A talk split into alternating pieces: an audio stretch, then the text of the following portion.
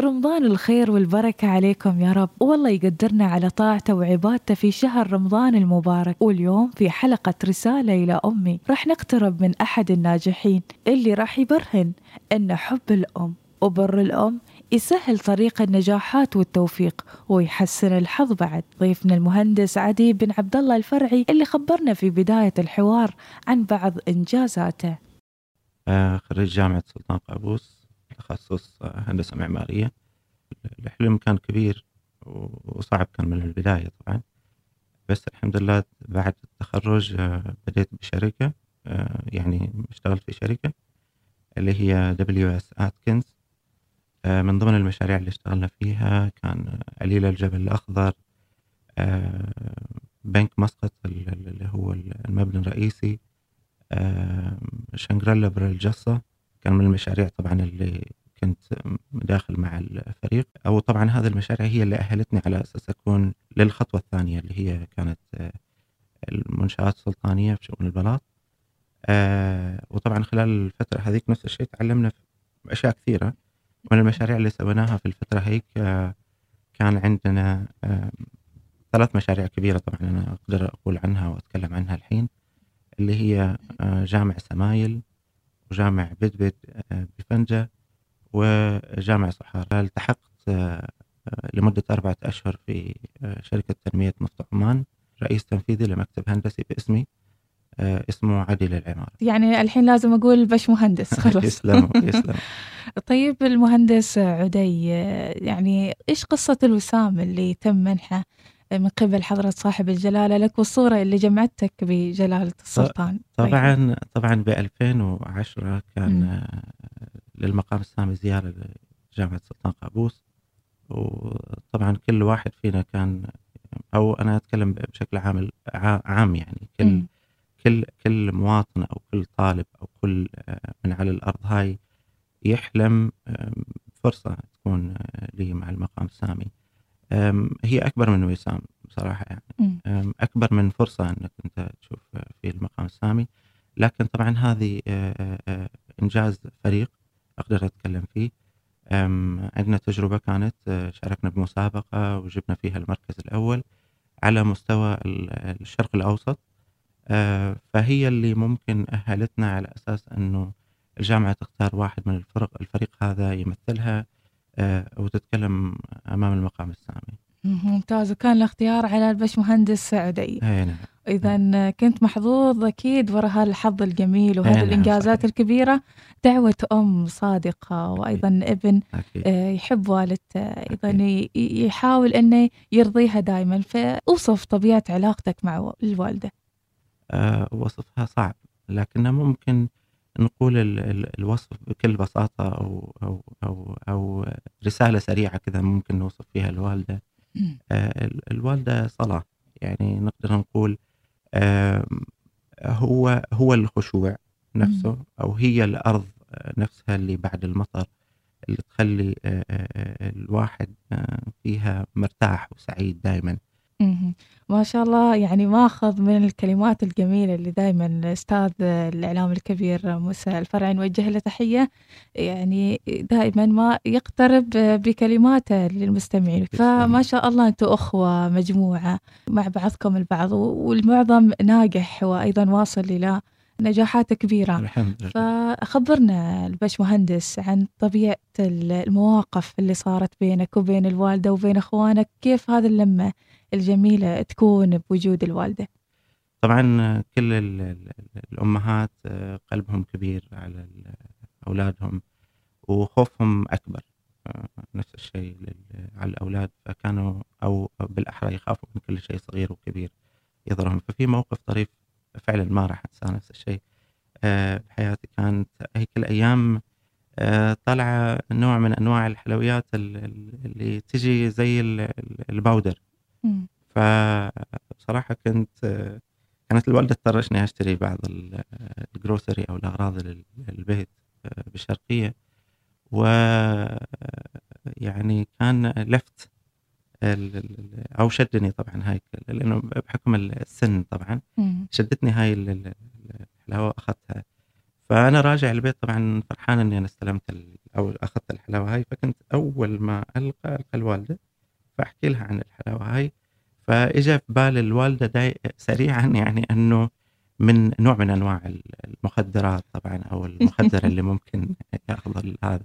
وأنت طبعاً عاتبتني. عاد. اي طبعا عاتبتني كثير على على الموقف هذا مم. وعاتبتني كثير على التصرف اللي أنا سويته لكنه طبعا بالرغم إنه آه، مضحك نقدر نتكلم عنه اليوم وممكن حتى هي لما تتذكر أو أنا أحكي لها عنه آه، يكون جدا مضحك لأنه هاي الحلاوة الحين نعطيها حتى أولادنا يعني لكن آه، الوالدة بالنسبة لي بطل آه، آه، بالنسبة لي المنقذ بالنسبة لي أنا يعني بالنسبة لي عادي مثلا الشخص اللي ينتج ال- المهتري مم. ينتج أي شيء خربان طبعا. في موقف آه، طريف فعلا آه، مر علي وأنا أحاول إني أنا ما أقول لكم إياه طبعا وأنا اقوله الحين.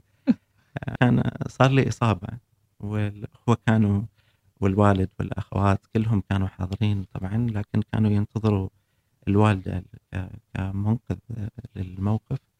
أذكر كان آه، ما موجودة في البيت. طرشوا لها احد من أخواني على أساس أنها تجي تنقذني من الموقف اللي أنا فيه. فراحوا لبيت أحد من عمومتي عشان يجيبوها والوالدة أول ما وصلت كانت مستغربة من الشلل اللي صاير في أخواني واخواتي والوالد على أساس إنه هم ما تحركوا ساكنين. آه، يطلعوني من الموقف اللي أنا فيه بس آه، سبحان الله هي وذن آه، يعني حتى ثواني لحظات بسيطة ما تحسي بالألم اللي أنت كنت فيه بس شفتي المنقذ إنه اجاك. خلاص أنت نسيتي خلاص هو بتاخذك بتنقذك من الموقف اللي أنت فيه. بس فعلا كان آه، الموقف هذا بالذات آه، موقف الإصابة اللي أنا كنت فيه كان موقف إنقاذ وموقف إسعاف في نفس الوقت. يعني طبعا كموقف أول شيء آه، أول ما تستقبل الموقف آه، تجزئ مراحل. المرحلة الأولى مرحلة يعني إذا كان أنت عملت الشيء الخطأ فبيكون في مرحلة الضرب. ومن بعد المرحلة هذه اللي هي مرحلة الضرب والخوف من الوالدة وإنك تخبرها عن الموقف اللي صار لك تنتقل للمرحلة الثانية. المرحلة سريعة جدا مرحلة علاج. علاج شعبي كان آه، سابقا. تعالجك بطريقه سريعة.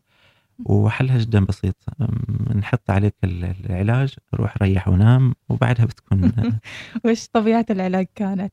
آه علاج طبيعي طبعا. كان ملح وبعض ال- ال- الأشياء الشعبية اللي حطتها على الجرح طبعا. آه اللي موجود باليد والعلامة موجودة لين الحين. خلاص نحن شفناها العلامة وفعلا يعني لما كل ما شفت ال- الجرح أكيد أتذكر الموقف. يذكرك أنك لا تهول الموقف ولا ت- ولا تخليه كبير دائما الأشياء ما دام أنت تعرف طريقها وتعرف علاجها مم. أو أو حلها خليها صغيرة وحاول أنك تمشي.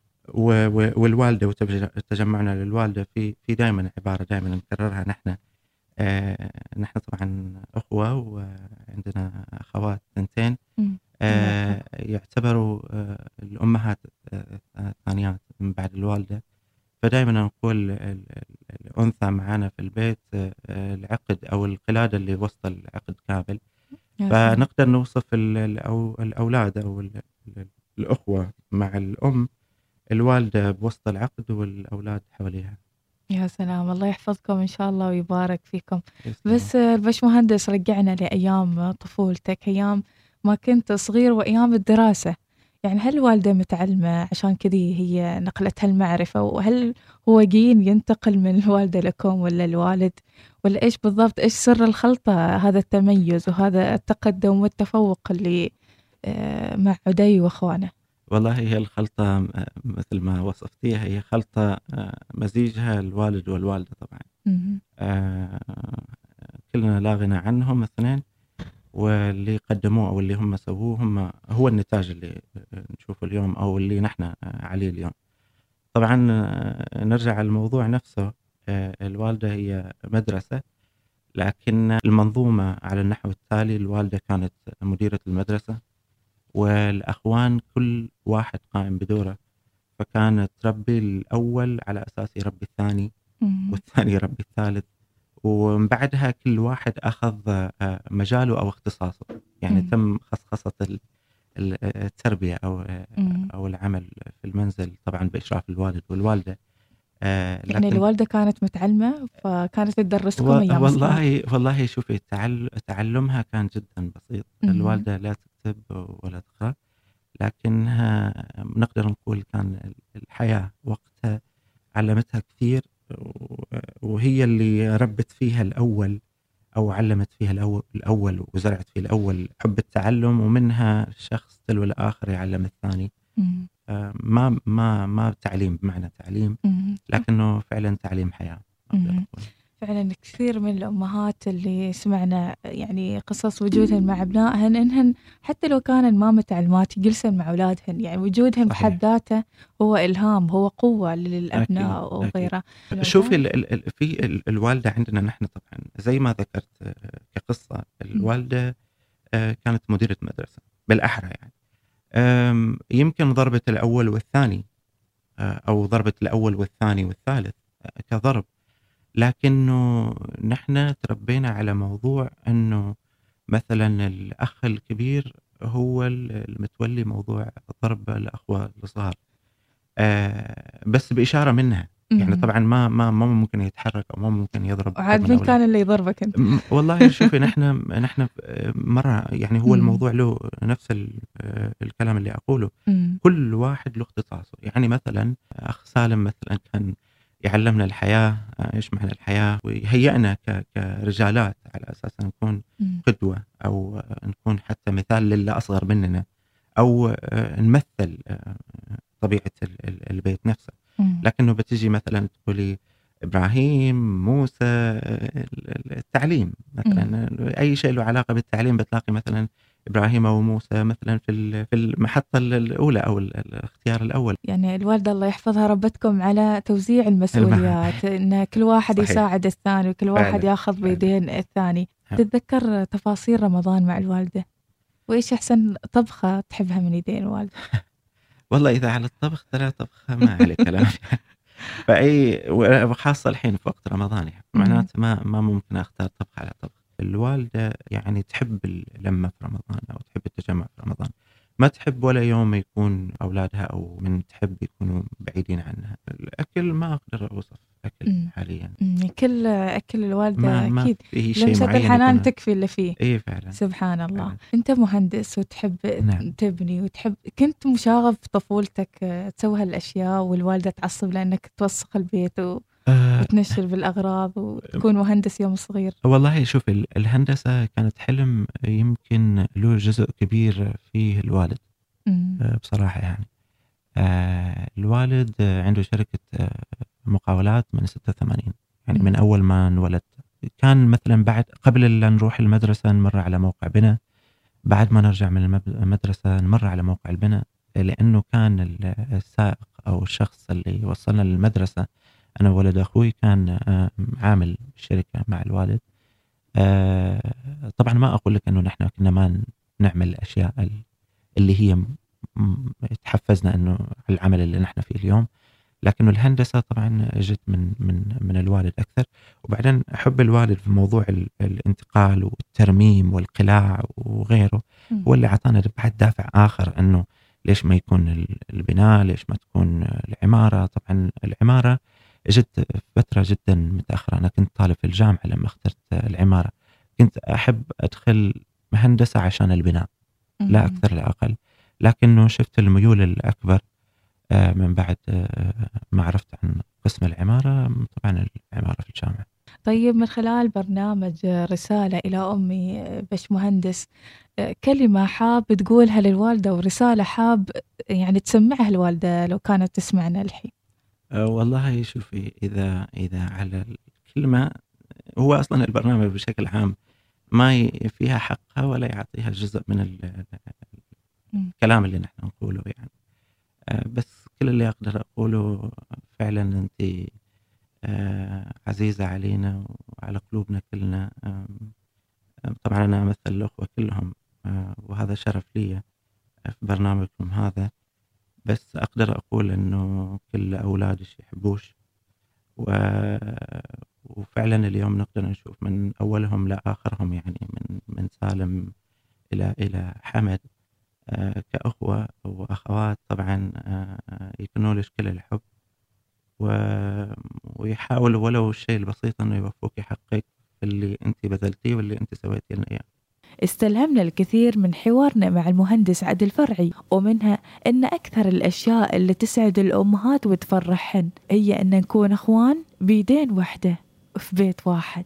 نلقاكم باكر على خير مع ضيف جديد وحلقة جديدة. في أمان الله.